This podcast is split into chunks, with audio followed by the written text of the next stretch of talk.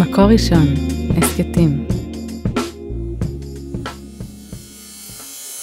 לא לחינם אמרו חכמינו, כי השרוי בלא אישה שרוי בלא ברכה.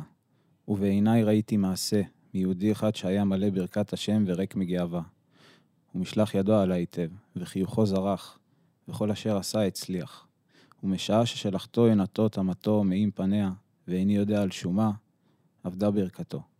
ובמידה שהיה נוח להשתבח בכל, כך היה נוח לאבד את רוב ממונו ורוב חינו. ויצא שכרו בהפסדו.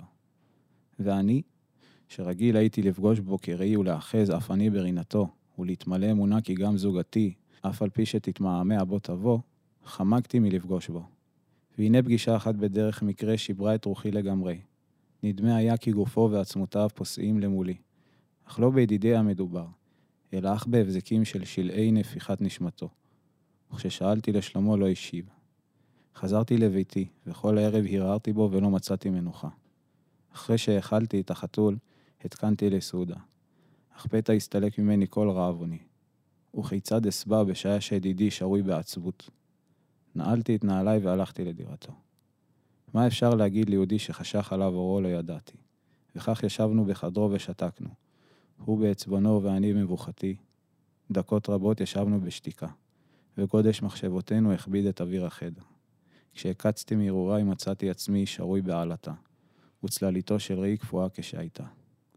המתנתי עוד מספר דקות בחשיכה, מסגל את עיניי למה שניתן לתפוס באור הרכבים החולפים. אך היכן שאלתי אותו, תרצה אולי שאדליק את האור? אולי כוס מים? לשווא חיכיתי למוצא פיו. שעות ישבנו ערים ושותקים. רק כשהדליק סיגריה ראיתי את לחייו הרטובות, ועוד סימן היה לי כי באפו עוד נשמת חיים. כשהנץ החמה חילצתי את איבריי, נשקתי לשערו והלכתי.